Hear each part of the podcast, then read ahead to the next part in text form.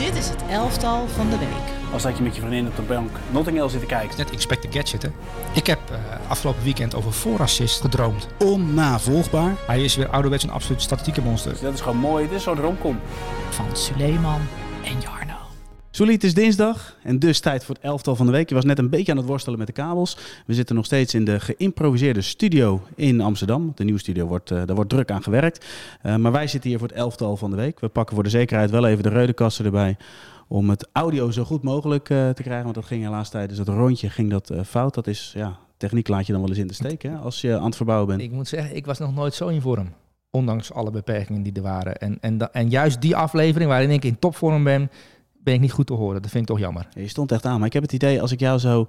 Ik zag je net al druk naar het koffiezetapparaat. Je was gretig, je had focus. Dus Ja. vandaag heb je die voor me Nou, ik heb nieuws. Oh? Ehm, nou, ik heb eigenlijk geen nieuws. Ik heb een mededeling. Eh, want ik kreeg eh, de cijfers weer eh, van Misha. Ja. Bijnaam Canada. En ehm, die is soms enthousiast. En soms heel erg enthousiast. Maar die stuurde nu terug ehm, in de mail. Ja, dat staat niet in, de- in deze tekst. Maar dat hou ik altijd. Dat hou ik, dat delete ik altijd voor jou. Ehm, onze correspondentie. Ja. Ehm, maar die zei, eh, het mag eigenlijk niet. Maar ik ga toch zeggen. Dit is mijn beste eh, eh, werk ooit. Wat ik qua cijfers heb geproduceerd voor, deze, voor, deze, voor dit elftal. Dat komt ook omdat hij geïnspireerd is geraakt natuurlijk door de statistieken. Ja. En ik moet eerlijk zeggen, ik heb een aantal spelers gezien waarbij ik echt achterover geblazen word dat je in een wedstrijd uit bij Santa Clara eh, of een wedstrijd thuis tegen Augsburg dit niveau haalt. Spelende wijs. Dus je ziet echt te kijken van jeetje, die, die gasten zijn echt goed. En eh, als ik geld had, had ik ze allebei gekocht. Ja, want je hebt er nu over eh, twee van misschien wel de nou ja, Beste middenvelders in Europa. Hè? Eh, dat gaan ze zeker worden. En of ze dat al zijn, dat mag jij mij vragen. Dat weet ik niet. Dat ga ik je zo meteen vragen. Maar laten we eens beginnen met de doelman. Want eh, jij kiest voor Martinez. En die blijkt ook nog eens heel goed te kunnen voetballen. Ja, ik, ik heb een aantal namen genoteerd. Kevin Trapp bijvoorbeeld vond ik goed. Nick Pope had een geweldige save. Ja. Newcastle voor de zesde keer op rij de nul. Ook Sven Botman natuurlijk weer. Maar om Zeker. nou elke week over Sven Botman te gaan praten wordt een beetje saai. Maar ik heb voor Emiliano Martinez gekozen. Dat is niet de eerste keer dit seizoen. Hij had een aantal geweldige reddingen. Eh, maar wat opvallend is, en dat werd er ook bij Match of the Day uitgelicht door de analisten. Dat, dat zijn topanalisten. Eh, en ik heb het ook eh, eh, bevestigd gekregen vanuit eh, Canada dat, eh, dat eh, voor Emery hij veel minder passes verstuurde. En nu Emery trainer is, is hij ine- gaat hij ineens veel meer passes versturen. Het aantal balcontacten is toegenomen, de paasnauwkeurigheid is toegenomen, maar ook het aantal balcontacten buiten de 16 is toegenomen. Dus Emiliano Martinez, die bekend stond als een eh, keeper van de Reflection, hebben we het in de WK-finale kunnen zien. Uh, Ja, Kolo Muani, absoluut. een fantastische save. De save van het toernooi. Absoluut. Ehm, maar als jij denkt aan Unai Emery, die heeft natuurlijk ook een Roelie onder zijn hoede, hoede, hoede gehad. Inmiddels de doelman van Ajax. Ja, dat is nu de doelman van Ajax. Maar die was natuurlijk onder Villarreal, onder Unai Emery. En we hebben natuurlijk ook eh, het kunnen lezen op VI Pro. Een goed meevoetballende keeper. Maar was dat dankzij Emery of dankzij Roelie? Dat wordt nu de komende maanden de vraag. Misschien is dit wel het antwoord op de vraag. Want, Ik denk dat dit eh, het antwoord op de vraag is. Ja, want Ehm Emery verwacht van een keeper een aantal eh, dingen. En dat is dus eh, dat, dat je ook als eerste verdediger eigenlijk eh, meedoet aan, eh, aan het... Hè, want Van Gaal zegt altijd 1-3-4-3 of 1-3-5-2. Ja, Eh, dat leer je ook op de cursus trouwens. Hoor. dat leer je ook op de cursus. Maar Unai Emery heeft die cursus waarschijnlijk dan ook gedaan in, in Spanje. Nou, dat weet ik wel zeker. En die zegt ook één. Want die keeper is belangrijk. En dat zie je dus terug bij Aston Villa. Waarbij je denkt, nou dat is hoge ballen. eh gauw thuis, hè, Ja. Engels voetbal. Maar dat is helemaal niet zo. Unai Emery heeft het spel bij Aston Villa echt veranderd.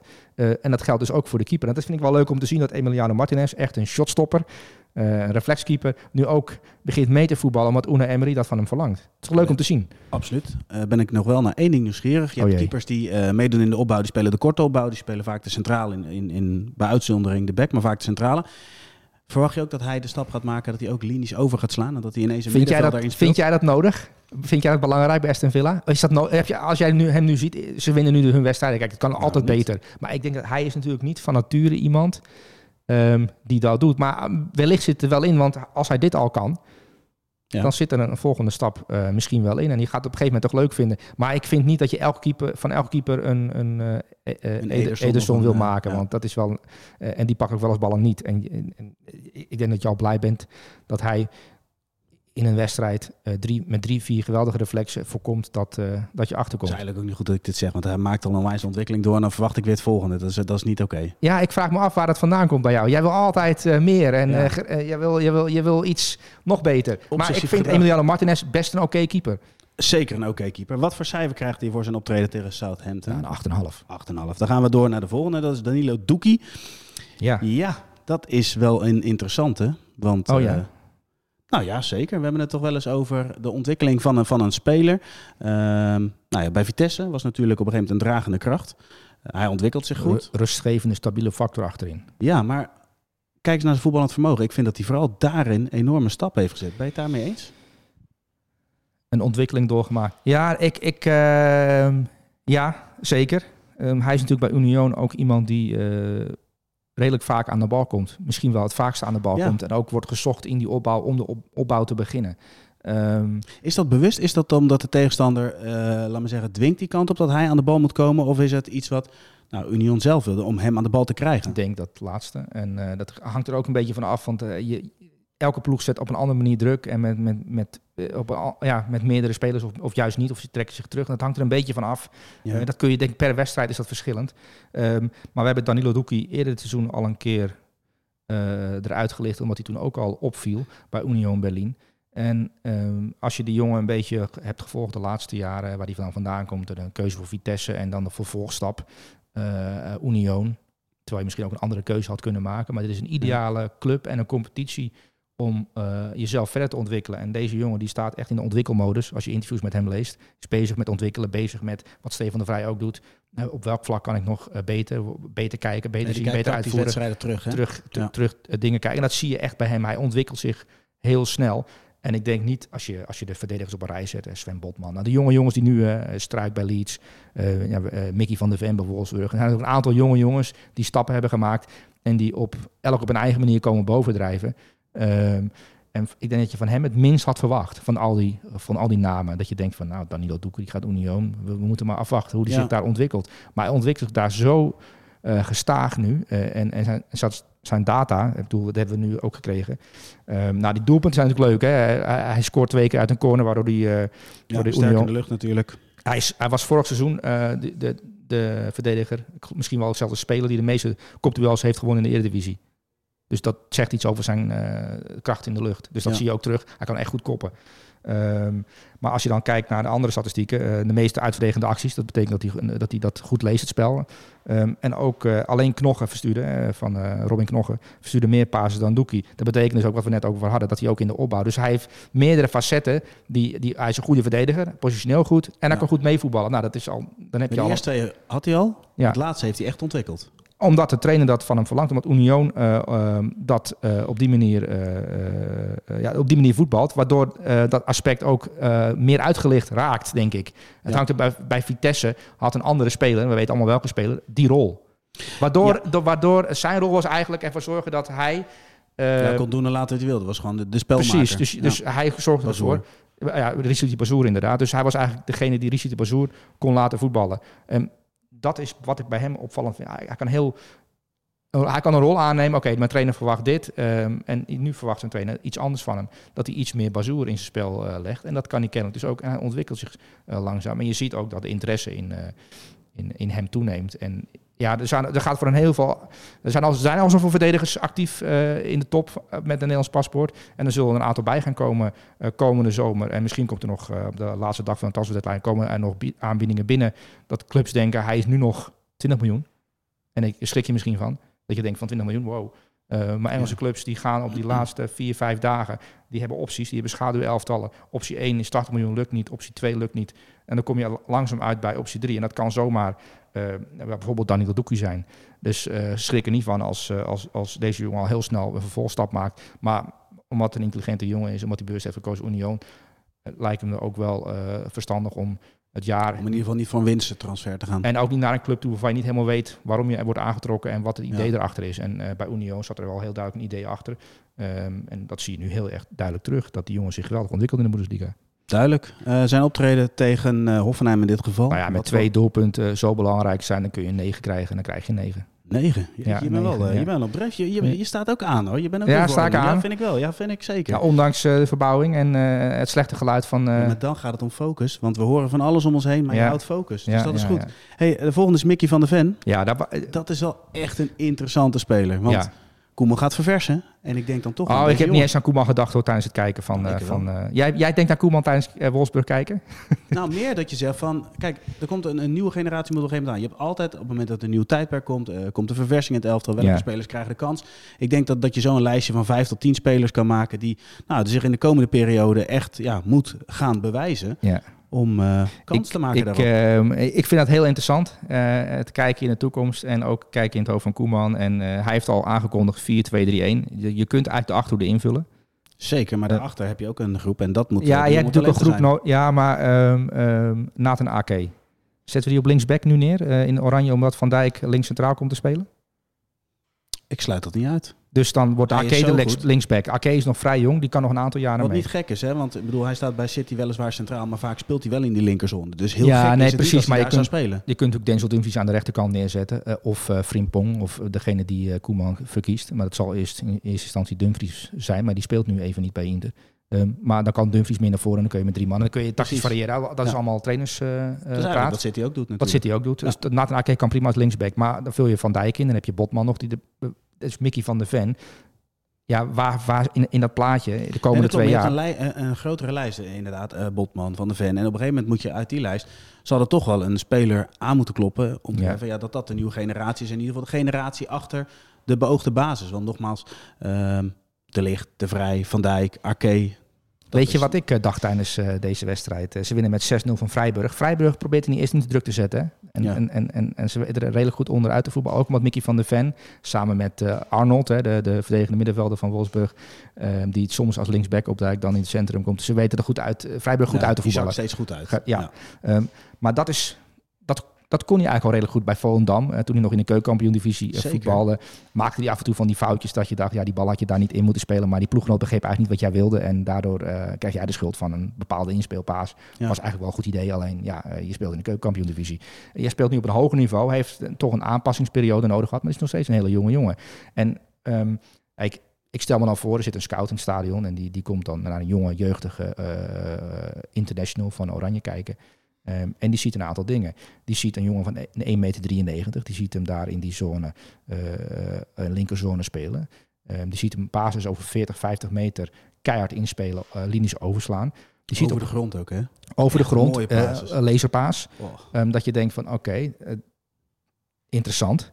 Die ziet hem duels winnen, die 1,93 meter. Die ziet hem ook grote ruimtes achter zich als Vrijburg probeert om te schakelen. Heel makkelijk dichtlopen, omdat hij razendsnel is. Ik heb het opgeschreven, want dat zag ik voorbij komen. Ja. Hij haalde een snelheid, ik weet niet of jij dat ook eh, hebt opgeschreven, ehm 35,8 kilometer per uur. Dat zijn snelheden, dat zijn Haaland snelheden. Dat betekent dus dat hij in een sprintduel met Haaland hem misschien zou kunnen bijhouden. Nou, er zijn weinig spelers. We hebben Alfonso Davies ooit een keer een sprintduel zien winnen van Haaland. Maar dat betekent dus dat je met die lengte, 1,93 meter, zo snel zijn... dat komt al een vinkje achter je naam te staan. Maar ik zag hem ook in de tweede helft, en dat vond ik het meest interessante moment. Eh, want hij heeft natuurlijk, eh, hij verzorgd de assist voor de 3-0. Ja. Eh, maar hij heeft ook een penalty verdiend. Doordat hij als een soort van linksback opstoomt, in de 16 meter komt... en daar dan wordt neergehaald. Maar de snelheid waarmee en de directheid waarmee hij dat doet... dan denk ik, een centrale verdediger Met de bal aan de voet. met de bal aan de voet. Ja. Dus hij heeft allerlei kwaliteiten die kennelijk de afgelopen zes maanden die heeft hij razendsnel ontwikkeld ook. Maar hij staat er ook met zelfvertrouwen in die achterhoede.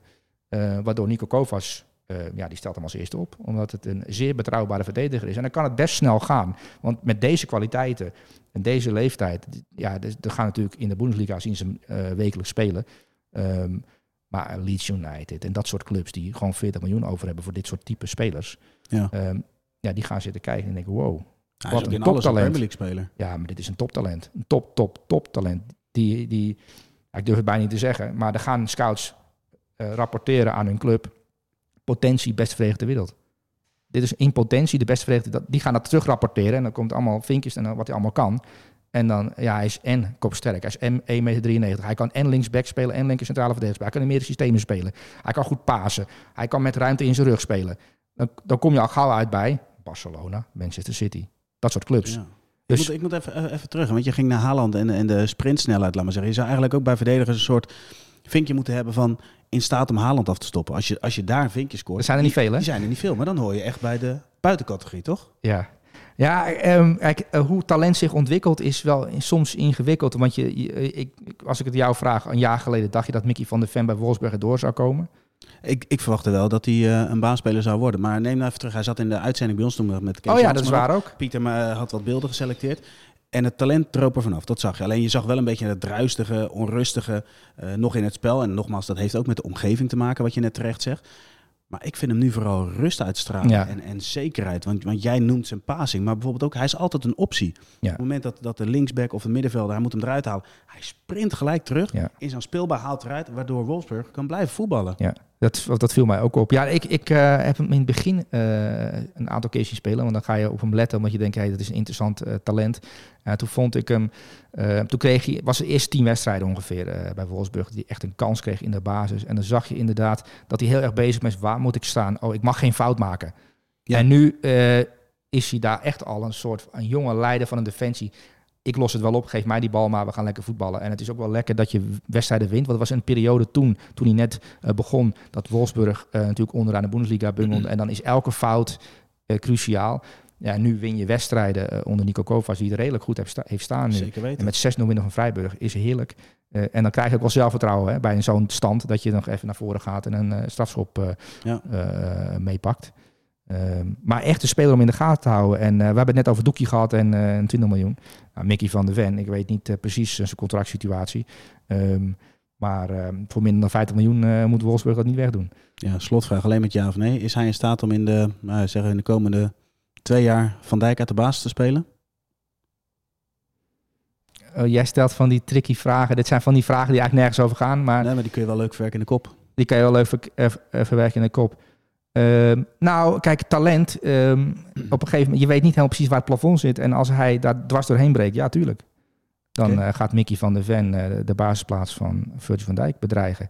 Ehm, vind jij hem op hem lijken? Qua type Nee. spel? Nee, hè? Nee, totaal niet zelfs. Nee. Nee, maar dat, heel eerlijk, dat, dat vind ik met heel weinig spelers met Van Dijk. Ik vind Van Dijk wat dat betreft ook wel uitzonderlijk. Die vind je meer praten en doen dan, dan handelen. Je- ook dat, dat ja, vind maar, je ook meer dat ja, maar wel, wel nou ja, ja, dat vooral. Maar goed, cijfer voor Van de Ven. Want we zouden de Ja, Podcast ja, ja, ja, ja. Een Mickey van der Ven een 9. 9 gaan we door naar de volgende. Die hebben we gisteren wel een beetje besproken. Ja. Dat is Sinchenko. Eh, Pieter had laatst een heel interessant eh, stuk over eh, ja, hoe belangrijk de backs zijn in het hedendaagse voetbal. Nou, als er, als er iemand daar... Niet, bij, niet bij alle clubs, hè? Nee, maar de, de clubs die willen domineren. Dus die willen verrassen, creatief willen voetballen en willen domineren. Daar spelen ze vaak wel een belangrijke rol. Ja. Misschien is hij wel het toonbeeld van ja, de back die misschien wel het meest ehm, ja, veelzijdig is. Nou ja, veel, ja, Sinchenko is natuurlijk bewust gehaald door Arteta. Dat heeft hij een paar maanden geleden wel uitgelegd. Die zei van ja, soms zit het spel vast. De opbouwpatronen zijn bekend. De tegenstander heeft zich voorbereid. En er is er een speler nodig die, eh, Arteta zei het zo, die moet eh, deuren openen. En dan, als je soms een deur opent, kom je in een ruimte terecht die je van tevoren niet gezien hebt. En dat is wat Sinchenko eigenlijk doet. Door soms helemaal aan de andere kant van het veld, op het middenveld te bewegen. Waardoor er ruimtes ontstaan die er niet zouden ontstaan als Sinchenko gewoon als normale linksback ehm, de stap naar voren zou zetten en richting Martinelli. Wat, wat veel backs doen. Ja. En wat je bij veel Eredivisieclubs ziet, een back die er overheen knalt. Ehm, Ik zit gelijk te denken, je zou hem eigenlijk uit moeten, als we nou ooit een escape room, dan moeten we hem vragen. Nou, ik denk dat Sinchenko daar uitermate geschikt voor zou zijn. Omdat hij, dat, hij, dat, hij houdt van spelletjes en, en, en dat Ja, soort... en eh, Tate ook, dat zijn Marcel Lucas, weet je nog? Ja, eh, Arteta ook, ja. Nee, maar je ziet, eh, eh, hij is heel bewust gehaald, Sinchenko, om, om Arsenal ehm, beter te laten voetballen als een tegenstander zich goed heeft georganiseerd. En dat zie je nu terug, want Eudegaard en Saka, eh, die gaan ook beter voetballen, omdat Sinchenko er als pion tussen staat. Want de paas van Saliba naar Eudegaard is simpel te lezen voor een tegenstander. Maar de paas van Saliba naar Sinchenko naar Eudegaard is lastig, omdat er dan Eudegaard beweegt natuurlijk. Sinchenko beweegt en Saliba heeft meerdere, eh, meerdere paasopties. En, en eh, een goed elftal, dat zie je bij alle goede elftallen. Dat zie je bij City, zie je bij Napoli, dat zie je bij Arsenal nu ook. Eh, een goed elftal, dan hebben spelers als ze aan de bal zijn opties. Als een, een speler aan de bal komt op het middenveld en hij heeft geen opties, is het een slecht elftal. Kun je gewoon, die kunnen een beeld stilzetten, zijn er opties? Nee, slecht elftal. Kun je gewoon strepen, ga niks winnen. Maar en moet je maar eens een keer voor de gein doen bij Napoli, beeld stilzetten als Lobotka de bal dreigt te krijgen. Hoeveel opties er zijn? Vaak vier, misschien drie. eh, hoogstens twee. Maar altijd is er, zijn er twee opties. Bij slechte elftallen, ga maar eens een Eredivisiewedstrijd eh kijken. Willekeurig welke, zet het beeld stil, kijk naar de paasopties. Maar dan heb je het over een goed elftal. Als je nou een top elftal hebt, dan zou je bijna zeggen op het moment dat Lobotka dus die bal heeft. En er zijn twee opties, dan kiest hij voor optie drie of vier. Ja, dat, maar dat, ja, dat kan ook nog. toch? Dat kan ook nog. Dat Heb je je, het dan over top-top? ja, ik, ik, heb, eh, ik, je- ik weet niet of je Eudegaard zijn, zijn, zijn steekpaas hebt gezien. Dat hij, dat hij, er is eigenlijk geen ruimte om een paas te geven, omdat ja, die, dat wordt geblokkeerd. Dus hij doet een soort AK-sleepbeweging en creëert zijn eigen paaslijn. Ehm, maar dan zit je lekker in je veld, dan speel je een goed elftal. eh, in een topwedstrijd tegen United en dan krijg je dat uit je voeten. Dat was een magisch moment. Ja. Ik probeer dat soort momenten wel eens met mijn vrouw te delen. Dan zit ik dat te kijken, weet je wel. En dan zeg ik, moet je nou kijken wat hier gebeurt. Dan Ja, maar... Als een de- volslagen debiel kijkt Nee, maar kijk, eh, sommige mensen, voor, deze filmpjes die wij natuurlijk op YouTube zetten, zitten soms eh, reclamefilmpjes voor hè, over snel geld verdienen en zo. Ja. Ehm, en zit ik naar te kijken, denk wauw, dat wil ik ook, weet je wel. Ik wil ook eh, zoveel k per maand, weet je wel. Zo'n jonge gast die mij dan vertelt hoe dat moet. Oh ja. Maar dat- je moet eerst bij de basis beginnen. Ehm, kijk, je moet, jij moet je vrouw eigenlijk een keer eh, ja, bij de basis laten beginnen. Ehm, Ze weten wat buitenspel is. nou, ingooi en eh, aanname. Echt, echt de, de basics van het voetbal. En dan langzaam opvoeren. Ehm, je moet er eigenlijk opvoeden op voetbalgebied. Je kunt niet beginnen met, eh, met de paas van Eudekaart. Want dan, ja, dan krijg je kortsluiting in je hoofd. Maar goed. Oké, maar goed. Zullen we doorgaan? Cijfer voor Eudegaard? Eh, nee, niet voor Eudekaart. Voor, eh voor Zinchenko. Oh ja, Zinchenko. Een 9. Een 9. Ehm, maar er zijn dus eh, in, in Engelse krant heb ik cijfers gezien. Waarvan ik weet, deze Engelse krant hoef je nooit meer te lezen. Die hoef je niet meer serieus te nemen. Een 6 een zes geven na zo'n wedstrijd, dat kan niet. Nee, maar dan ben je, dan ben je, nou, dan, dan ben je geen voetbalkenner of liefhebber. Nou, dan heb Beide je, dan heb je een, een belangrijk deel van Arsenal niet begrepen. Ja. Ja, Duidelijk. dat kan natuurlijk. Dat je een belangrijk deel van Arsenal niet begrepen hebt. Snap ik ook. Ja. Goed, dit was wel overduidelijk. Dit kan je eigenlijk niet missen. Nee. We gaan naar eh, de volgende, is Loekman. Eh, Atalanta speelt met 3-3 gelijk tegen Juventus. Ja. Ehm, ja, jij noemt hem hier de beste afmaker van de Serie A. Nee, dat noem ik niet. Dat is, eh, dat is wat... oh ja, dat zeggen de cijfers natuurlijk. dat is Misha. ehm, 11 goals en expected goals van 7. Wauw. Het grootste verschil. Eh, eh, er is geen groter verschil, positief verschil tussen, eh, tussen goals en expected goals in de Serie A dan bij Adalamola Loekman. Ehm, maar wat ik vooral interessant is, vind, is dat Atalanta heeft een scout overgenomen uit Engeland, Congerton, die ook bij Leicester City heeft gezeten. Ja. Ehm, die adviseert dan Adamola Loekman aan Gasperini. Nou ja, laten we maar doen, weet je wel, eh, 9 miljoen euro. Ehm, en Adamola Loekman, die heeft ook bij Leipzig gezeten, bij Everton, bij Leicester. Ja. Eh, We hebben best wel wat clubs gehad, is 25 jaar nu. En nu in de Serie A komt het er helemaal uit. Althans, er komt nu iets uit. Ik bedoel, 11 goals en 4 of 5 assists. Maar waar ligt dat dan aan? Ehm, nou, ehm Gasperini, die kijkt naar een voetbal en denkt, hé, ja, dat zijn zijn kwaliteiten. Mhm. Ehm, en die zetten met Jeremy Boga. Boga speelt zeg maar links eh, in die zone achter de spits. Ja. Ze hebben bij Atalanta een, soort eh Haaland eh, uit Denemarken opgevist. Heuland heet hij, bijna Haaland. Oh ja. Eh, dat lijkt er ook nog op. Dan heb je Boga, een dribbelaar, iemand die iets probeert te creëren. En dan heb je, aan, en dan heb je Adamola Loekman, die eh, snelheid heeft, techniek heeft... en eigenlijk continu op zoek is naar rendement en moment op verschil te maken. Ja. En daarachter heb je dan normaal gesproken links Teun Koopmeiners, Didi Loekman en Boga en die spits zoekt. En dan heb je de Roon, die met zijn verrekijker eh, Die aan, het wachten is van oké, wanneer gaan we de bal verliezen? Dan kom ik in actie en dan komen er ook nog backs overheen. Nou, het Ja. is redelijk simpel. Eh, maar kennelijk dat systeem, dat past hem. Waarin hij in een centrale zone eh, zijn ding mag doen, in de 16 mag komen. Ik zag nog een bal binnenkoppen. Nou, dat, dat hoort er zo Dat was bij. een knappe goal trouwens. Knappe goal, Wel, inderdaad. Zijn eerste goal was wel een foutje van Chesney, toch? Ja, zeker. Een zeldzaam foutje. Ja, en, en, en, en, Atalanta moet zo'n wedstrijd winnen. Ju- Juventus is natuurlijk eh, eh, een gewoon dier. Min 15 punten. Het elftal zit niet goed in elkaar. Eh, daar moet echt iets gebeuren. Daar moet een toptrainer binnenkomen die eh, met, met jeugd durft te werken. Die een bepaalde speelwijze gaat intro- introduceren. En die Juventus weer terugbrengt naar waar het hoort. Namelijk de top van, eh, van de Serie A. Zonder dat ze de hele boel eh, eh, oplichten. Ja. Maar goed, dat is een heel ander verhaal. Ehm, ik vind het wel interessant dat deze, dat deze Adamo Loekman, een Engelsman in Italië, ehm, die bij Leicester heeft gezeten, Everton, Leipzig, en dan komt het bij Atalanta, die dat toch goed zien. eh, dan komt het er helemaal uit. En ja, dat, dan kan het zomaar gebeuren dat Ad- Adamo Loekma, eh, Loekman na eh 20 goals in de Serie A voor een recordbedrag naar een club gaat in de Premier League die denkt, die moeten we hebben. Ja, en dan valt, En dan valt hij weer- tegen. Omdat er een trainer zit die niet à la Gasperini kijkt naar de Roon, wat kan hij eigenlijk? en hoe functioneert een elftal. Want Italiaanse trainers eh, die, die, die gebruiken voetballers als, ingrediënt. Hè. Ik bedoel, Italiaanse eten is ook goed, omdat ze het simpel houden. Ja. En je kan van een tomaat geen appel maken en andersom. Dat doen ze natuurlijk niet in Italië. Nee. Daar is het eten vrij simpel, maar daarom, ook, daarom houden mensen van de Italiaanse keuken. Ja. Eh, maar eh Conte, nou, Gasperini, en je kunt een hele eh, rits eh, Italiaanse trainers opnoemen. Die, die kijken naar wat voetballers kunnen. En die, en die gaan niet zeggen, ja, hij kan niet scoren. Ja, dan moet je hem ook niet laten scoren. Wat is jouw favoriete pasta? Ik hou- van carbonara, maar dat is een Romeinse pasta. Hè? Dat is Wel je- zonder room, toch? Sorry? Dan moet je het zonder room doen, toch? Nee. Dat is een grap of niet? Dat is een woordgrap? Nee. Oh, nou, omdat het echt een Romeins gerecht is uit Rome. En dan eh, Rome, dat, dat Ja. is dan Engels voor Rome. Maar ik, ik dacht, er zit een ver doorgevoerde woordgrap. Maar eh, nee, nee, gewoon carbonara zoals het hoort. Zoals het hoort. Ehm, en eh, alioli, hè, dat is een beetje pittig. Vind je het niet lekker? Ja, die laatste, ja, dat vind ik ook lekker, ja. Maar jij hebt een favoriete pasta, maar je vraagt het zo eh, nauwkeurig. Nee, gewoon omdat je denkt, je hebt het over gerechten, je, je weet waar je het over hebt.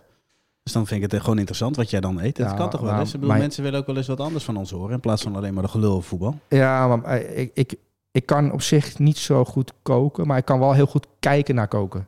Dus, en dan kan ik tips geven aan mensen die aan het Zou koken jij een zijn. culinair recensist kunnen zijn? Eh, nee, dat- nee, dat zou ik niet kunnen, want dat is, dan moet je wel eh, slap kunnen lullen. En kan ik slap lullen? Nee. Mm, Nee, niet echt. Loekman. Ehm eh, Ademola Loekman. Maar mijn vrouw is echt een waanzinnig, een van de beste koks van Nederland, mijn vrouw. Maar dat geheel tezijde. Ja. Dat is een compliment aan de vrouw toe. Zeker, doe je goed. Ja. Cijfertje? Een 9, Negen. Ademola Loekman. We gaan naar eh, Paulo Dybala. Ja, ik ben, heel, ik ben heel nieuwsgierig wat jij ervan vindt. Eh, omdat ik hem ook bewust heb gekozen. Want ik denk, ja, Jarno gaat hierover zeiken. Want die heeft dingen gezien die, die, die niet bevalt. Nou, ik vind eigenlijk dat hij... eh pak die eerste goal. Ik, ik moest even aan eh, Johnny van Beukering denken, want dat, hij kwam wat traag op gang. Oh. Maar dan zie je toch dat de controle goed blijft, dat hij goed, eh, goed eh, breed legt. Dus hij, hij voetbalt... ehm, nou, laat ik het zo zeggen. Roma vind ik niet echt bij hem passen. Nee, Als, als voetballer zijn. Mourinho vind je niet bij hem passen. Nee. Nee. Maar er zijn wel momenten dat je ziet van ja, die jongen kan nog steeds verschrikkelijk goed voetballen. Maar het is gewoon, te, het is gewoon ja, wat ik jammer vind is dat je dat zo weinig terugziet. Ehm, ja, en ik, ik, heb, ik kijk dan met een Mourinho-bril op. Wat, wat, wat vraagt Mourinho van hem, zoals Simeone eh, en Memphis Depay? Dat wordt ook interessant. Hoe, Mhm. hoe behoort hij hem en wat levert Memphis? En is het, is het dan belangrijk voor een trainer, ja of nee? Eh, Paulo Dybala eh, die heeft nu twee assists geleverd. Nou, die tweede assist was wel een bal op, op de spits natuurlijk. die daarna zelf nog 40 meter aflegt en hem Precies. binnenlegt. Dus dat, dat kun je als assist rekenen. Is ook een assist in de statistieken. Ehm, maar ik heb gevraagd aan, aan Misha... eh, van Paulo Dybala en, en, eh, en Mourinho zit er dan een verschil in tussen de eh, andere seizoenen. En er kwam best wel leuke statistieken uit. Ehm, maar hij heeft nog nooit per negen minuten zoveel gescoord ehm, in al seizoenen dan dit seizoen bij AS Roma. Dat vind ik opvallend. En assists gegeven ook. En kansen gecreëerd. Dus hij is eigenlijk, wat hij goed kan, dat doet hij nu meer dan, dan in, aanvallend, in een aanvallend elftal. Dus Mourinho zeg je eigenlijk dat hij die spaarzame momenten gewoon optimaal benut. benut. Dus zijn talent en klasse gebruikt hij op de juiste momenten. Nou, dat vind ik al eh, leuk om te zien. Ja. Ehm, maar interessant is ook dat hij nog nooit zo weinig dribbles is aangegaan. Ehm, en alleen in zijn eerste seizoen, dus toen hij net doorbrak, minder balcontact had. Dus hij is minder aan de bal, hij mi- dribbelt minder. Dus hij is veel minder Dybala dan zoals wij Dybala kennen. Wauw, wat een prachtige voetballer. Maar rendement is allemaal veel hoger. Dus Ja. Mourinho heeft aan een paar knoppen gedraaid. Ja, we, spelen profvoetbal. Eh, we gaan niet op de helft van de tegenstander met z'n allen pressen. Eh, je moet dus jouw momenten van klasse goed gebruiken. Ehm, en je zag, hij speelde tegen Spezia. En Spezia speelt heel agressief, ook op uh, die balen, mandekking en zo. Daar onderuit komen, dan moet je wel klasse hebben. Dat lukt hem toch een aantal keer. Ja. Want hij geeft dan twee assists. Maar ook, ook een Had aantal... die Abraham ook al een paar keer hard voor nodig, hè? Ja, tuurlijk. Maar het is, het is een, een, een, echt een diamant. Ja. Eh, in, in een elftal van hele harde werkers en ook een cynische manier van voetballen. Van ja, zoek het maar uit, Spezia. Eh, wij schakelen wel een aantal keer om en dan winnen we met 2-0. En zo is het natuurlijk ook Feyenoord eh, verslagen in eh, Tirana. waar, waar de Feyenoorders nog steeds stuk van zijn. En, en, en Arne Slot natuurlijk ook. Ehm, omdat je denkt van ja, wat heeft José Mourinho en AS Roma, wat hebben die nou eigenlijk gebracht? Ehm, en dat zie je ook bij deze Dybala, dat hij toch wel belangrijk is voor, uh, voor Mourinho. Dat hij creativiteit op een andere manier ziet en gebruikt. Als dat vond ik wel leuk om te zien. Als jij in Rome zou wonen hè, en Ja. je zou eh, elke twee weken zijn thuis uit, zou jij ze allemaal gaan eh, bekijken? Ehm, als ik in Rome zou wonen, en ehm, ja, dan zou ik ze wel bekijken. En, en ja, dat zou ik zeker doen. Je, hebt, je, je kijkt naar de, naar de winnaar van de Conference League, hè? Maar je zou daar met plezier op de tribune zitten, week in, week uit. Nou, eh, wat er gebeurd is, on, ja, ja, ja eh, dat denk ik wel. Het mooie stadion en eh, daarvoor lekker eten of daarna lekker wat eten. Eh, dus dat, je kunt jezelf natuurlijk wel vermaken. Ik bedoel, wij zitten hier ook midden in een verbouwing en dan moet je jezelf ook een beetje vermaken. Ja, maar heb jij geen lol nu dan? Jawel, ik heb nu lol. Dus ik zeg, Ja. we moeten onszelf een beetje vermaken in, in deze... In deze Dus je wil eigenlijk zeggen dat een trieste omgeving nog steeds heel leuk kan zijn. Want dat, dat, Nou, daar praat dat toch wel. Het is een prachtige club, mooi shirt, mooi stadion. Maar je wilt toch ook bij gewoon goed voetbal zien, of niet dan? En dat is ook in Italië mogelijk, Soelie. Ja, je, je wordt boos, hè? Ja, maar het is niet, weet je, je je herkent dat gevoel toch wel? Ja, ja, ja. Dat je, je ziet een aantal spelers en denkt, daar moet toch meer uit te halen zijn. Er moet toch, er moet toch, het kan toch soms ook wel een beetje leuk? Ja, maar Matic staat nu op het veld bij AS Roma. En Matic heeft één, één taak. En dat is wat Mourinho... Waar, daarom heeft Mourinho al die, bij al die clubs waar hij gezeten heeft... elke keer Matic erbij gehaald. Want die wil het niet leuk maken. En die, die houdt het heel simpel. En de bal moet op een gegeven moment een keer naar Dybala. Als Dybala een beetje vrij staat Ja. en iets kan bewerkstelligen... en, en bijvoorbeeld 3 tegen 2 is... eh 2 tegen 3 dan in het geval van... Dan, want dan kun je bijvoorbeeld eh, Ab- Abraham wegsturen... Eh, maar de bal hoeft niet naar eh Dybala als hij door twee man wordt gedekt. En Abraham staat niet in een bepaald soort modus dat hij aangespeeld kan worden. Ja, draai hem dan maar terug en speel hem dan maar rond. Of schiet hem maar naar voren, we zien wel. Eens. Maar Dus- ook Matic kan beter voetballen dan wij wekelijks zien. Ja, ik, tuurlijk, als jij ehm, Guardiola trainer maakt van de AS Roma... spelen ze over een jaar het beste voetbal van Italië. Misschien over zes maanden wel. Ehm, maar Guardiola is te duur voor AS Roma. AS Roma kan eh Dybala net aan betalen. Ehm is een ander soort club dan, eh, dan, eh, dan, dan Manchester City op dit moment. Dus daar heb je ook mee te maken. AS Roma kon Mourinho krijgen. Meer, een beter, die is natuurlijk als trainer een beetje afgedaald op de ranglijst van, van trainers. Ehm, ook omdat hij voor een bepaald soort voetbal staat. Maar hij heeft, eh, ja, ja, wat hij dan, eh, als hij dan een journalist ontvangt of eh, hij, hij is met, vrienden of met zijn vrouw, dan zegt hij van ja, wat heeft die en die eigenlijk gewonnen de afgelopen vijf jaar? En die trainer die zo bewier ook wordt, Casperini, wat heeft hij eigenlijk gewonnen? Ik heb toch de Co- Conference League weer gewonnen. En dat is maar net hoe je naar voetbal wil kijken. Ehm, het is, ik vind het toch wel knap dat hij helemaal afgeschreven is. Uitgelachen ook, uitgekost in Engeland. Naar AS Roma gaat en die club tot leven heeft gewekt. Want er zijn 20.000 me- duizend mensen meer in het stadion dan voordat Mourinho trainer werd. Dat heeft allemaal te danken aan dat Conference League avontuur... waarin hij dat geloof in die club weer een beetje terug heeft gebracht. En ervoor heeft gezorgd dat Dybala daar speelt, wekelijks. En Dybala is natuurlijk hartstikke leuk om naar te kijken. Weet je bij deze overtuigd of niet? Ja, ik eh, leg me... Bij deze leg ik me... maar heb jij wel eens in Rome, ben je wel eens in Rome geweest eigenlijk? Zeker, ja ja. Ehm, hoe vaak ben je in Rome geweest? Twee keer. Twee keer. Stadion bezocht, geen wedstrijd toen de tijd. Ik ga graag naar wedstrijden in het buitenland, maar dat was eh, toen niet mogelijk helaas. Heb je bij, ben je bij de Trevi Fontein geweest om een muntje achterover te gooien? Tuurlijk. Heb je goede koffie gedronken in, in Rome? Zeker.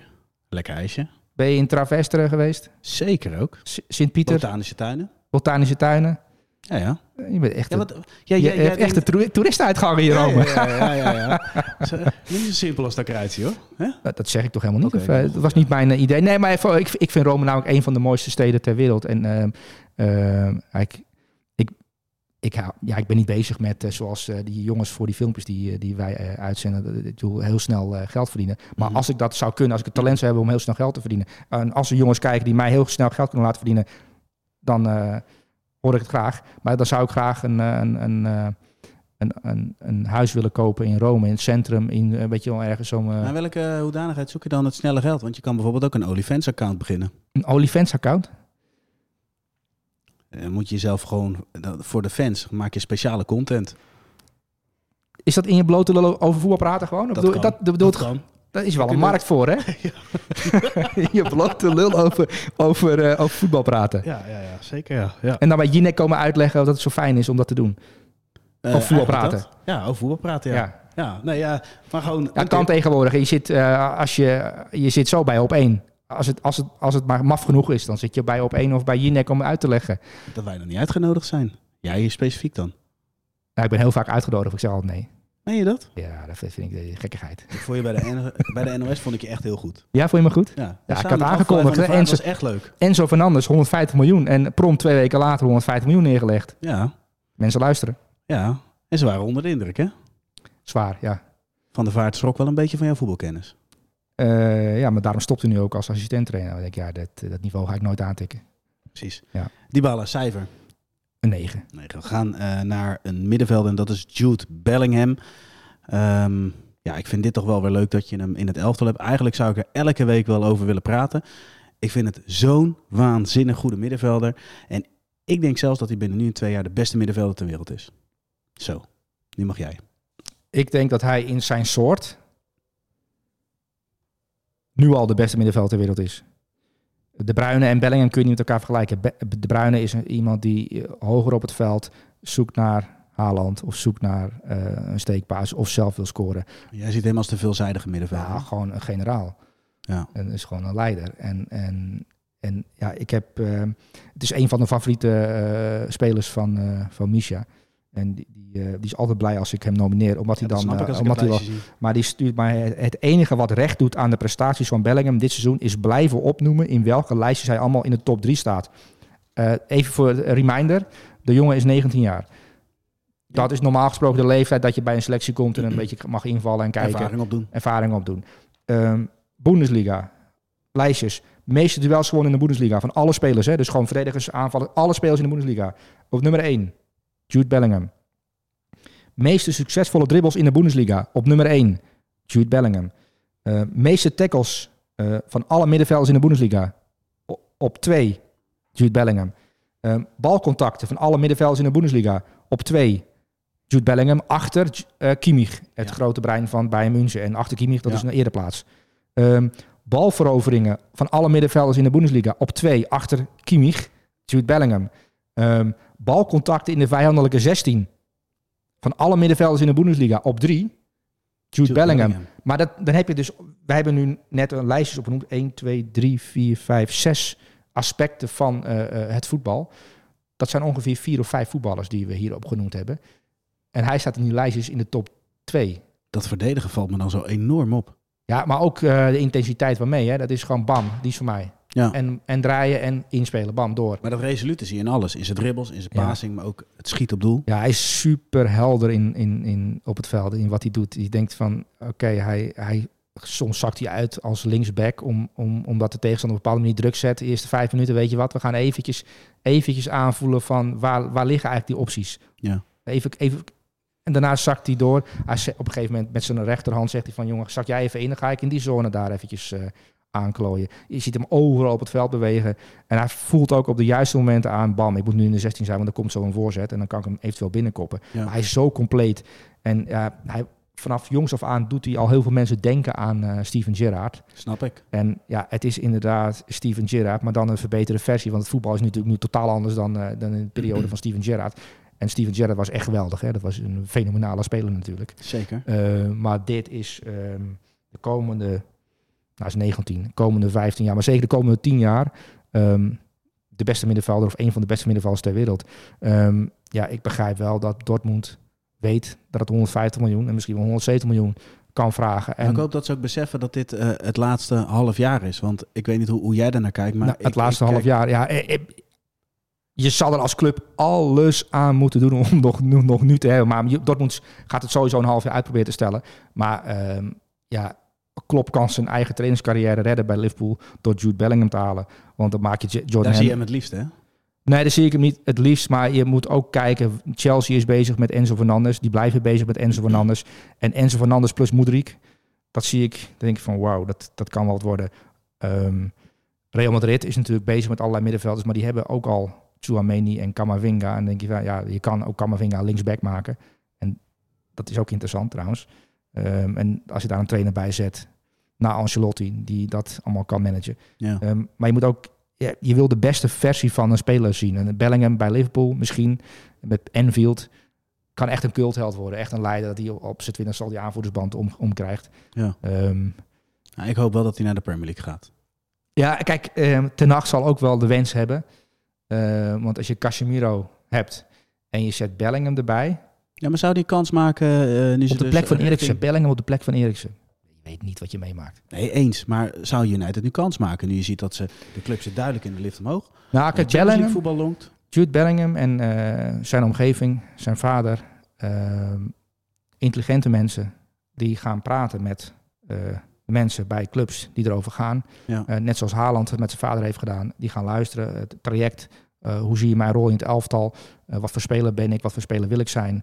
Eh, die, die, die denken echt... die- maar hij heeft ook wel luxe keuzes. Want ja, je kan kiezen uit Real Madrid, City, Liverpool, ehm, Manchester, Manchester United. En alle andere clubs die hem willen hebben, die zijn kansloos. Want dat zijn de ongeveer de clubs waar hij Ja. naar naartoe kan gaan. Ehm, maar ja, ehm, dus die zal een keuze maken op basis van gevoel.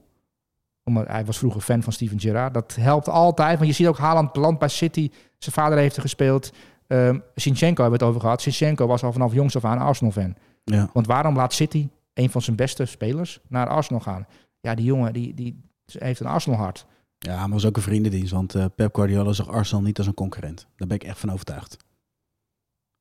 Met de wetenschap van nu had hij het niet gedaan. Dat vind ik eh, goed. Dat is, eh, dat is een goed. Dat, dat, dat, dat, zou, dat is wel een eno- enorme onderschatting geweest van, van Arteta. Die toch dicht bij zich heeft gehad. En ik kan me niet voorstellen dat Guardiola dat heeft onderschat. De kracht van Arteta, dat hij zo'n club op de rit kan krijgen. En dat je Sinchenko. Hij wel vriendendienst. maar niet zo snel. Maar ik, ja, ik, Ja, of denk hij denkt van ja, die titel, het gaat mij om goed voetbal. En ik wil graag eh, Arsenal goed zien voetballen. En daar geniet ik als trainer van. Want ja, ik zie alleen maar kutwedstrijden om me heen.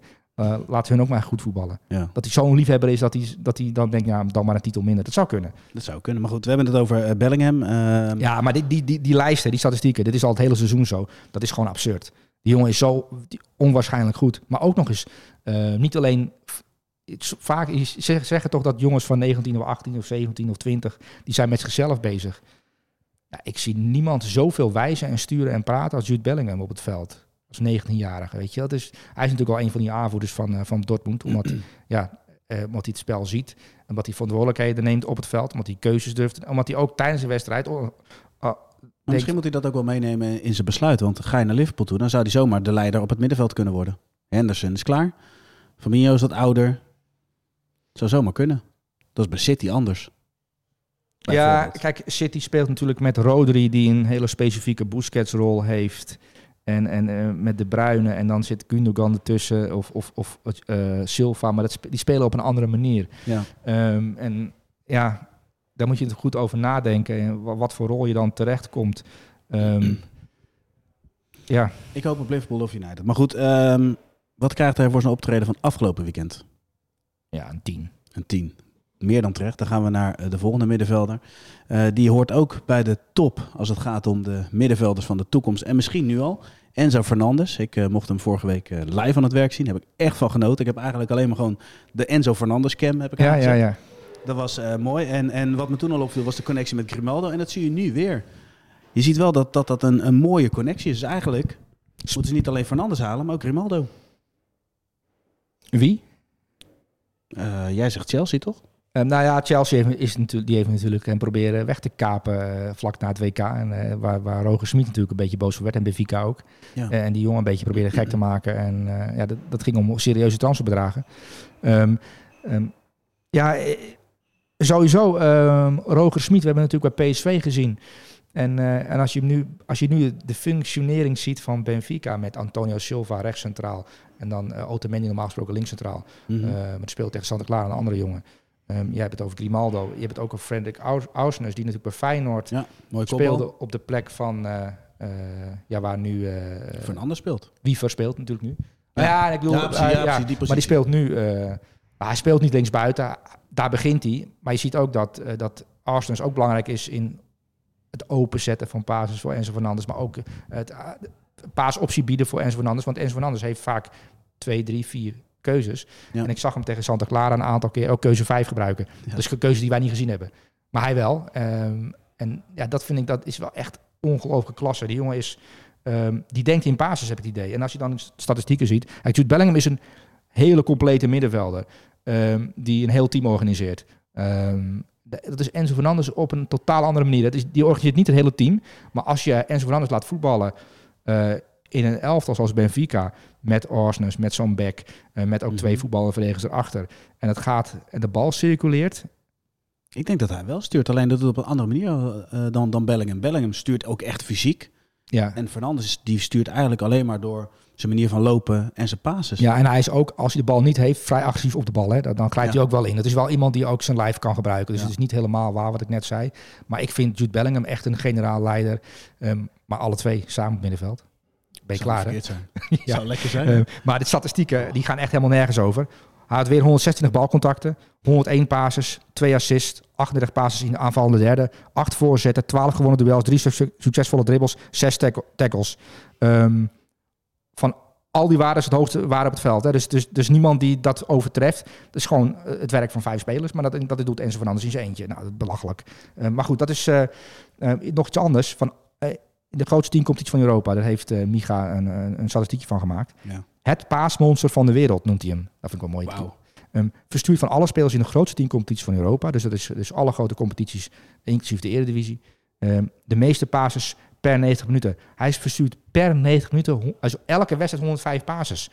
Dat is, dat is gewoon alsof je, ja, dat is, dat is eigenlijk, dat kun je bijna niet over nadenken. Dus dat is echt heel veel. Ja, Ehm, en ook heel knap, want elke tegenstander weet ook dat je eh, de bal naar hem eruit moet halen. Waardoor je, waardoor je ziet dat, dat Benfica, hij is daar binnengevallen in een elftal waar, ja, dat, met zo'n back, met Antonio Silva, die ook zijn kwaliteiten liggen in, in, Ja. in, in, ja, van achteruit die opbouw verzorgen. Rafa. Ja, Rafa Silva, die, die natuurlijk nu door Roger Smit op een plek is neergezet, die echt zijn kwaliteit Ja, ja. kwijt kan. En ik denk dat het eh, de periode van Roger Smit bij PSV toch ook een, een groot misverstand was. Tussen hem en de selectie, tussen de media en Roger Smit. En dat het voor hem nu ook een soort van eh, auditie is, Benfica en de Champions League en dit elftal. Ik bedoel, eh, ja, Chelsea heeft, heeft nu nog een trainer. En daar hebben ze nu nog vertrouwen in. En ze willen Enzo Fernandes hebben. Maar ehm, ja, Chelsea kan natuurlijk ook in de zomer denken van... we benemen niet alleen Enzo Fernandes eh, halen we op bij Benfica... maar we kopen ook een trainer. Dat zou een gedachte Met, zijn. al, met, met Nkunku, met Madueke. Ehm, wie hebben ze? Moedrik, Kanté, Enzo Fernandes. Ja, dat, dat, dat, Dan dat, kunnen ze pressen. dat is- dan heb je het beste elftal ter wereld. Als je daar een goede trainer bij zet. Ik, ik, er wordt nu een beetje gelachen om Chelsea. Dus ze hebben drie technische directeuren en die halen allemaal spelers. En ze hebben hem, eh, lange contracten en er wordt natuurlijk wat van gevonden. Maar als je sec naar de selectie kijkt en eh, wie ze in wie ze interesse hebben, wie ze gekocht hebben, wie, wie daar spelen. eh, dat is voor een trainer een paradijs om daar iets van te maken. Met Nkunku straks erbij, als die definitief vast is gelegd. Met Moedrik. Ehm, en alle spelers weer fit zijn. Je hebt natuurlijk ook nog Wesley Fofana. Daar hebben we het niet zo vaak over gehad. Maar Wesley Fofana is natuurlijk ook iemand die snelheid heeft. Geweldige verdediger is. Ehm, ze hebben Badia Chile gehaald. Er loopt daar nogal wat talent rond. Eh, is voor een, ja, voor een goede trainer. Misschien is Graham Potter dat wel als hij het voor elkaar krijgt. En anders, eh, eh, ja, daar komt Roger Smit zo in beeld hoor. Lijkt me een, mooie gedachte. Ehm, maar we hebben het over Enzo Fernandes. Wat voor cijfer krijgt hij voor zijn optreden tegen Santa Clara? Wat, wat stel je voor voor cijfer? Gewoon een 10 Eh, of een 9,5? 9,5. Want dan moet hij in de Champions League een keer laten zien. Ja, Vind ik ook. Ja, niet, eh, niet te hoog van de toren blazen, hè, want dan worden we een beetje verweten dat wij spelers te, te veel eh, omhoog prijzen. Maar geloof me, Enzo Fernandes is echt ehm, een paar klassen beter dan eh, nou ja, een paar middenvelders die ik heb gezien tijdens Ajax Feyenoord. Ja, helemaal eens. Eh, we gaan naar de volgende. Dat is Antoine Griezmann. Eh, speelde tegen Valladolid. Ehm we hebben het vaker over hem. En dan gaat het eigenlijk meer over de... Ja, is het een transformatie? Of is het, of is het laat maar zeggen, eh, dat hij zich eh, kan schikken in de discipline van, van Simeone? Waarbij de creativiteit niet helemaal weggaat. En juist dat laatste vind ik wel mooi om te zien. Ja. Ja, ik, eh, ik vind het dan wel leuk dat, eh, dat uit de statistieken blijkt dat hij toch wel veel bal vero- ballen verovert. Hij heeft de meeste ballen veroverd Ja. in de wedstrijd tegen Valladolid. Acht ballen veroverd. En alleen in La Liga, van alle aanvallers, is er één andere aanvaller die meer balveroveringen heeft dan Griezmann. Dat zegt echt veel. Dat betekent dus, iemand die zo goed is, Ja. dat hij toch echt de opdrachten uitvoert. En, en echt een Simeone voetballer is. En daarom is het, is het zo interessant om te Frankrijk ook op die manier op. ja, ja, dat is bij Frankrijk ook. Maar echt eh, dat, die kwaliteit van hem. Ehm, dus een aanvaller die niet alleen creatief is en, en, en in de kleine dingen. eh, bal eh, inspelen, eh, bal doorspelen. Dat gewoon, gewoon Mhm. goed kunnen voetballen. Wat Davy, Davy Klaas een beetje mist. Ja. Ehm, dat kan hij wel. Maar daarnaast is hij ook nog eens belangrijk in het verdedigende aspect. Oké, ik moet even nu 10 meter naar achteren, want eh, ehm, het is daar 2 tegen 2. Dat lossen zij op. Als we de bal verliezen, kan ik daar eventueel een bal veroveren. Nou, dat Ja. soort dingen. Hij denkt heel erg als trainer al. En hij is natuurlijk enorm een fan van dat, ehm, die managerspelletjes. Die hem heel vaak spelen. Ja. Maar er zit echt een, een trainer op het veld. Dat zie je ook als heel managerspel had hij op een gegeven moment ook... Dat, dat kwam toch uit dat hij Bobby als een eh Ja, spits had, toch, geloof ik, of zo? Wat was het nou? ja, ja, nee, maar eh, hij is natuurlijk... Ja, Frenkie de Jong als middenvelder. hij, de- hij is natuurlijk iemand die toen een beetje net Ja, maar dat snap ik. Toen werd hij aan Flarden gelopen door Frenkie in Ja, ja, ja, die heeft het mee, ja, dat heeft meegemaakt toen. Ja. Ja, Antoine Griezmann is iemand die, Die ook een favoriete speler is van DJ De Sam. Dat is natuurlijk een zeer tactische trainer die, die niet alleen denkt in eh, wat jij eh, graag wil zien. En dan bij heel veel mensen aanvallend voetbal. Maar we willen wereldkampioen worden. Hoe doen we dat? Oké, door, ehm, door van één voetballer. We stellen wel vier aanvallers op, maar één van die aanvallers is Griezmann. En die kan ook dingen doen eh, die andere aanvallers laten liggen. Eh, en dat is ja, ballen veroveren. Laten liggen of niet bereid zijn om dat te doen. Niet bereid zijn om dat te doen. Ja. En Anton Griezmann is dat wel. En op basis daarvan, eh, wat voor cijfer geef je hem dan? Ehm, nou, kijk, je wil hij, hij gaf in deze. Jij hebt het over creativiteit. Ik vond hem deze wedstrijd wel creatief. Want een hakassist op Morata, de 1-0. En dan natuurlijk zelf ook met een hakbal scoren. Ehm, en ook een vrije trap. Ja, maar dat blijft wel houden inderdaad. Dus het is gewoon een hele goede voetballer. Die, die ook nog eens dat, de andere kant. eh, eh, het, ja, het werk zonder bal. Of het, het voetbal zonder bal. wat bij Simeone het belangrijkste is. Dat hij daar, ja, daarom past hij zo goed bij, Atle- bij Atletico. En wat minder bij Barcelona. Want dan denken ze toch van ja. eh, eh, ja, hij moet goals maken. Waarom doet hij dat nou niet? Ja, omdat Ja. hij heel goed is in de andere. En omdat jullie niet begrepen hebben waar Antoine Griezmann over gaat. Club zit trouwens wel in het hart, hè? Want als je eh, na de wedstrijd zag je, werd dat shot van hem gedraaid. Heb je dat mooie clublied van Atletico Madrid, dat zong hij ook mee. Vind ik leuk om te zien. Ja, vind, ja, ja, Ja, ja, vind ook een mooi clublied. Maar goed, cijfer voor Griezmann. Een 8,5. 8,5. Dan gaan we naar Erling Braut Haaland. Ehm, ja, is er wel eens een week waarin we het niet over Erling Haaland hebben eigenlijk? Ja, want hij werd natuurlijk keurig afgestopt door, eh, door United. En toen hebben we het ook over hem gehad, want hij werd afgestopt. Ja, want dat is opvallend. Ehm, ja, 1,45 goals per 90 minuten. Dat is, eh daar val je van achterover. Ik zag ook een statistiek, statistiek voorbij komen dat Van Nistelrooy stond op één, eh, wat het snelst aantal eh hat-tricks. Ja. Ehm, en die, dat, dat record heeft hij verpulverd. Hè. Het was 65 of 64 of 63 en hij heeft er nu 19 van gemaakt. Dat is niet een beetje eh, benaderen, dat is, dat is het, ja. ja, het belachelijk maken eigenlijk van andere voetballers. Ja. Die in het verleden best goed waren. Want Van Nistelrooy was natuurlijk een fenomenale spits. Waar je echt naar uitkeek op de dinsdag of woensdagavond Champions League. Van Nistelrooy ga- gaat er één of twee maken voor Real of voor eh, United. Gaan we dat straks aan het einde van zijn carrière ook zeggen? Dat, dat Haaland de duizend speler is die alle legendes eigenlijk gekleineerd heeft? Nou, ik wil dat het zijn grote woorden. En eh, Steven Berghuis heeft gelijk. We moeten niet te grote woorden gebruiken voor eh, we kleineren. Want Oh, is dat zo? Maar dit is toch helemaal niet schadelijk voor de families? Nee, maar dit is dit zoeken naar een beetje. eh, weet je, en kijk, Erling Haaland, dat is een spits waarbij ik elke week tot de ontdekking kom. Oh, oké, dat kan hij dus ook. Eh, oh, hij, eh, het is, het, hij is kennelijk ook bezig met kritiek, want hij heeft wat kritiek gekregen in die na die wedstrijd tegen United. Want City is wel wat minder met Haaland. Ze voetballen anders. Het is wat directer allemaal. Eh, Guardiola moet het toch oplossen. Misschien moeten ze hem eruit zetten. Ja, leuk al die goals, maar City gaat minder voetballen. Dat heb, dat heb je gelezen. Jij ook gelezen, hè? Ja, ja zeker. Ehm, je ziet toch dat dat iets met die jongen doet. Want die hattrick komt, niet er- die komt ergens vandaan. Ja, een fout van, eh, van, eh, van een tegenstander, de derde goal. Ehm, maar je ziet aan zijn reactie naar de eerste goal, het handje zo van jongens, volgens mij eh, kan ik redelijk koppen. En volgens mij doe ik het nog. Na de tweede goal, die schiet hij binnen. Ook zo van, volgens mij eh, gaat wel lekker. En bij die derde goal, drie handen in de lucht. Volgens mij heb ik weer een hattrick gemaakt. Ehm, dat, ja, het is toch apart om mee te maken als je de 22 hebt gemaakt in de Premier League. Dat het aan jou ligt dat City die goed voetbalt. Ehm, ja, dan antwoord je met een hattrick. Dat Maar jij noemt, jij noemt eh, dat hij dat hij steeds dingen doet waarvan je denkt, hé, hey, dat kan hij dus ook. Is het dan zo alsof hij alsof hij steeds een update krijgt? Elke wedstrijd heeft hij een nieuwe update gehad en iets toevoegt aan zijn spel? Nou, het is natuurlijk een jonge jongen. Ehm, het is een vrij, het is echt nog een jonge speler die, die, die vrij snel gekomen is. Eh, op zijn zestiende nog eh, ja, bij, bij een kleine club speelde en dan Molde snelle stap gemaakt. Ja. Ehm, natuurlijk Salzburg, Dortmund. Vrij kort gezeten allemaal. Want hij, ja, zoals Rayola toen hij nog leefde, zei eigenlijk, ja, ik heb één fout misschien gemaakt. Ik had, eh Haaland was zo goed, maar dat hadden we Haaland zelf eh, misschien onderschat, maar ik ook als zaakwaarnemer, we hadden hem eigenlijk al meteen bij de top kunnen zetten. Want hij bleek veel sneller te leren dan we met z'n allen dachten. Ja. En dat zie je nu ook weer, dat die, want er er was toch serieus sprake van in de zomer van, ja, kan hij zich wel aanpassen en hoe moet het nou in Engeland? En hij gaat veel minder goals maken. Dat, dat hebben allemaal analisten gezegd. En, en, en ja, dat logisch straf je natuurlijk allemaal, want 25 goals op dit moment. Eh, en straks zit hij op 30. Is het maart, dan zit hij op 45. Ehm, ja. En, maar dat is, dat is een gegeven. Hij gaat er heel veel maken. Ja. Ehm, maar als City geen kampioen wordt, is het toch een probleem.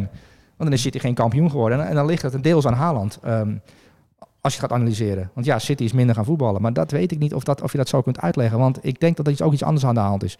Arsenal is? is gewoon heel goed. Dat mag ook gezegd worden. Arsenal heeft eh, qua verliespunten... Als je dat gaat uitrekenen, die komen nu boven de 100 Ja, maar ik punten begrijp uit. wel wat je zegt, maar, maar zet beide teams tegenover elkaar.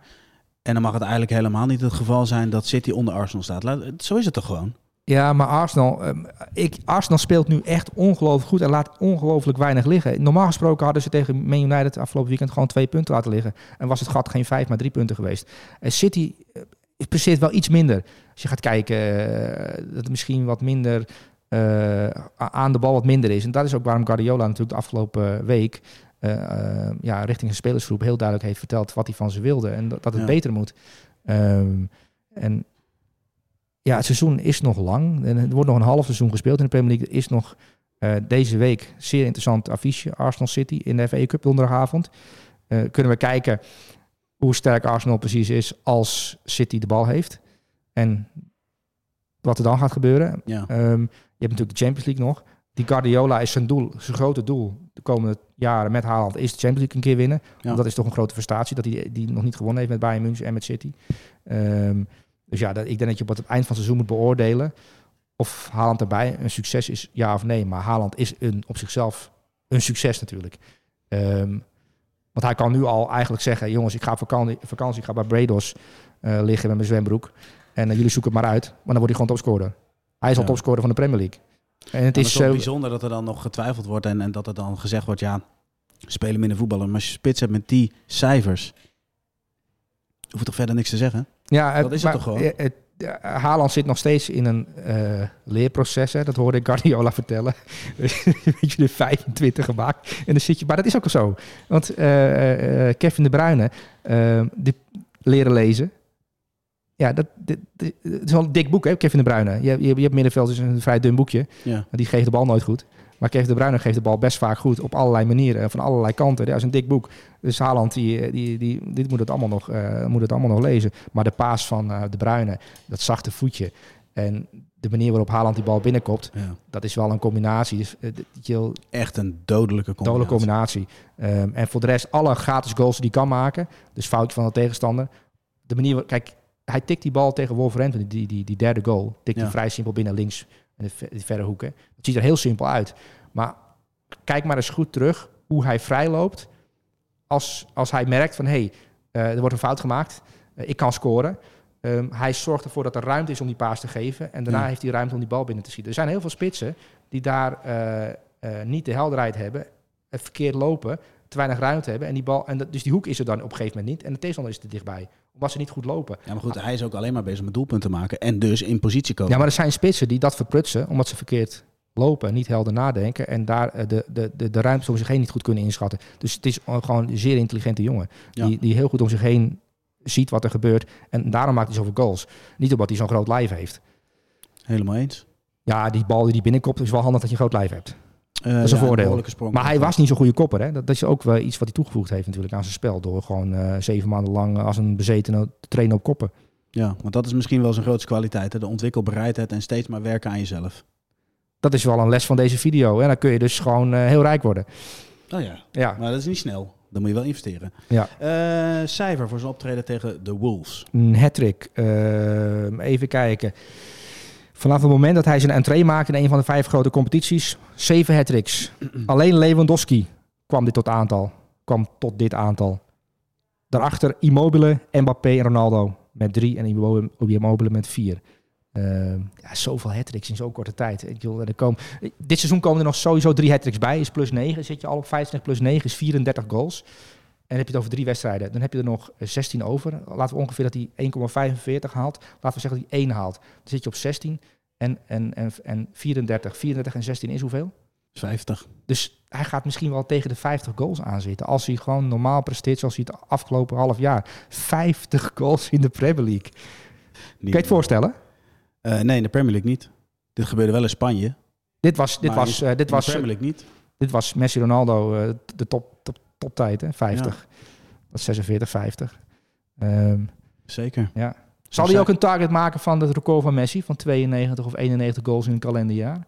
Dat hij natuurlijk haalde. Ik, denk dat dat, maar dat is Mbappé ook. Ze zijn wel bezig met statistieken. Ja, Mbappé die maakte natuurlijk gewoon vijf tegen de amateurs om zijn statistieken op te vijzelen. Precies. De honger, ongelooflijk. Ja, maar is toch mooi? Dat Ja, is juist mooi, mooi. En dan, ja. dan heb je dus eigenlijk de grootheden Messi en Ronaldo nodig om te excelleren, laat maar zeggen, als nieuwe generatie. Ja. Maar goed, cijfer voor Haaland. Nou, eh, eh, weer een hat-trick, 25 goals, goede overwinning. Geef ik hem 9,5. 9,5. Dan gaan we naar de laatste speler, laatste aanvaller. Dat is Moedrik.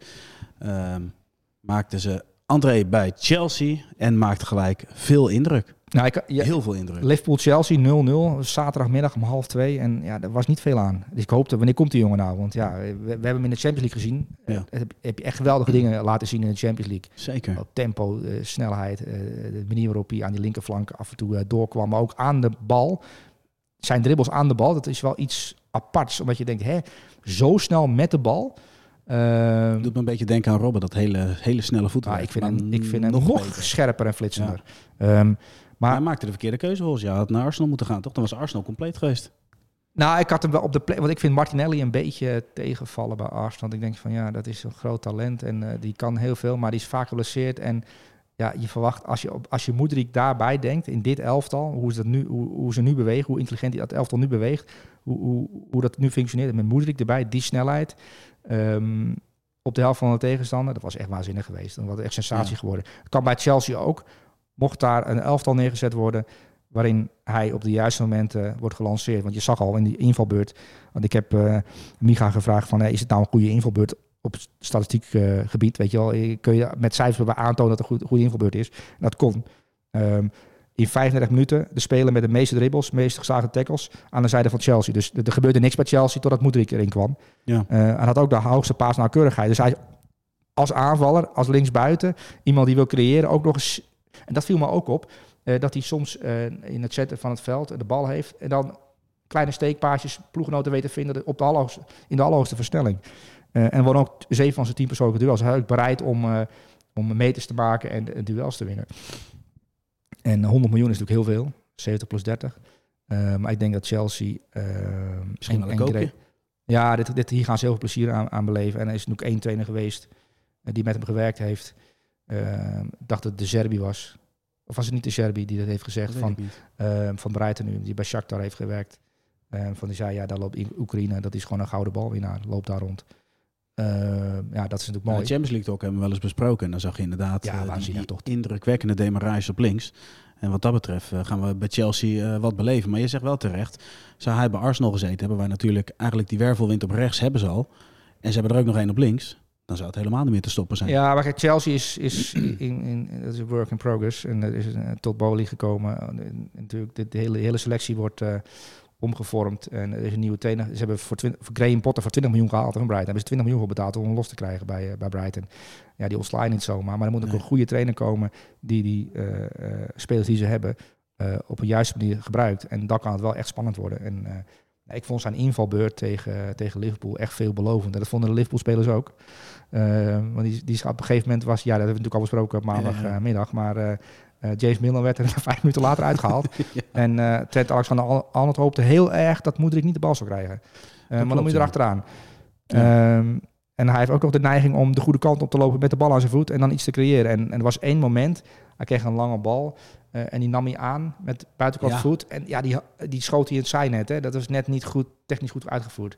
Dat had je eigenlijk Bergkamp zag wel een snelheid van, van handelen. Ja, ongelooflijk. Ehm, en er was ook één moment in de 16 meter dat hij, eh, dat hij drie, vier man passeert en heel snel van richting verandert.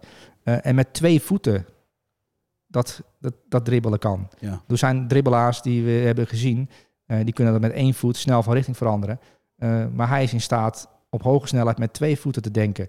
En ja, dat wordt wel ingewikkeld voor tegenstanders. En ik denk dat we deze Moedrik eh, dus nog, nog voor het einde van het seizoen speler van de maand een keer is in de Premier League. Kan ik je bij deze voorspellen. Die gaat echt heel veel indruk maken. En dit was een ingelbeurt van 15 minuten. En je zag aan de reactie van de mensen in de studio's, in de Engelse studio's. eh, en ook aan de reactie van eh Klop. Zijn gezichtsuitdrukking. Oh, zo, die is goed. Wij hebben, wij hebben Cody Gakpo gehaald. Dit is wel een andere categorie. Ja. En, en, en eh, ik heb het afgelopen half jaar natuurlijk... eh, we hebben natuurlijk twee fenomenen gezien bij clubs eh, in de Champions League. Eh, na, bij Napoli en linksbuiten. Kvaratskhelia en, en bij, en bij Shakhtar en linksbuiten. En dat is deze Moedrik. Ehm afgevraagd, wie, wie is nou de betere? En Ik zeg qua cijfers verwacht ik Moedrik. Qua stijl, ja, vind ik Kvaratskhelia ik toch denk wel... dat deze jongen veel verder gaat komen. Omdat hij zijn lichaam misschien mee, mee heeft. Qua, ehm Ja. qua is een beetje vlecht. Maar ja, dit is stijl. Maar ik denk ook veel blessuregevoeliger. Als je Deze Engeland- jongen is moeilijk af te stoppen. Omdat Ja, je, je weet niet. het gewoon niet. Links, rechts, binnendoor, buiten. ook die snelheid. Kvaratskhelia is natuurlijk eh, schitterend om naar te kijken en creatief en een fantastisch half jaar Ja. bij Napoli en ehm, een fantastische voetballer. Maar Mikalo Mudrik, die 15 minuten. Ik heb zelden dat ik echt onder de indruk ben. Ik heb het een keer gehad met Mbappé, die toen hij net doorbrak. De invalbeurt. Wie is die gozer? Weet je, toen was hij 17. Wow, Ja, wow, dit is, Monaco dit is, eh, ja, bij Monaco, ja, als een jonkie dat hij doorbrak. Dat je, Ja. dat je dan je op stoel zit, wow, dit is, dit is wel bijzonder, weet je. Dat, moet- dat moeten we in de gaten gaan houden, deze jongen. Nou, een half jaar later speelde hij in City om ons boven in zijn eentje. Eh, als 17-jarige. Ja. Ehm, maar bij deze Moedrik had ik het ook. In de Champions League ook. Denk jeetje, dit is, dit is niet... Het lijkt wel alsof ze het versneld afspelen, het beeld, weet je, bij Ziggo. Dat je denkt, Ja. dit klopt niet helemaal. Eh, omdat hij veel sneller is dan de, dan de rest. Met de bal aan de voet. Ja, Ehm, klopt, en dat, dat zag je ook in die invalbeurt van 10, 15 minuten. Dat je denkt, van, oh, dit, dit gaat echt een fenomeen worden. In de Premier League ook. Dus dat is wel leuk om naar uit te kijken de komende maanden weer. Het worden geweldige eens. maandagen en dinsdagen. Ik kijk echt naar uit als het hier helemaal eh, omgebouwd is. Dat het Ja. goed geluid is, Ik goed licht. trouwens van de trap eh Christel lopen. Dat is de vrouw van de leader. Tenminste, de stem van de leader. Weten mensen dat ook gelijk? Oh, kunnen mensen dat zien? Ja, ik Ehm, denk het wel. Dat was inderdaad Christel. Ja, het is, wel een het is al wat oudere vrouw, hè? dat, mogen we niet zeggen. Maar het is wel een vrouw die tegen de 60 aanloopt. Of is ze al 60 geweest? Weet jij dat? ik, ik zou heel eerlijk zeggen, ik durf hier geen uitspraak over te doen. nee, maar dan word je in elkaar geslagen. Dat worden we zeker in elkaar geslagen. Hey Sully, mag ik jou eh, danken. Maar voordat we de leader wegstarten, eh cijfer Moederik. Ja, voor de invalbeurt, eh, voor de verwachtingen die hij heeft geschept. eh, voor, voor eh, weet je wel, dat je denkt als, als liefhebber, wanneer speelt Chelsea weer? Een 9. 9. Sully, dankjewel. En tot eh, volgende week weer. Dit is het elftal van de week. Als dat je met je vriendin op de bank Notting Hill zit te kijken. Net Expect the Gadget, hè?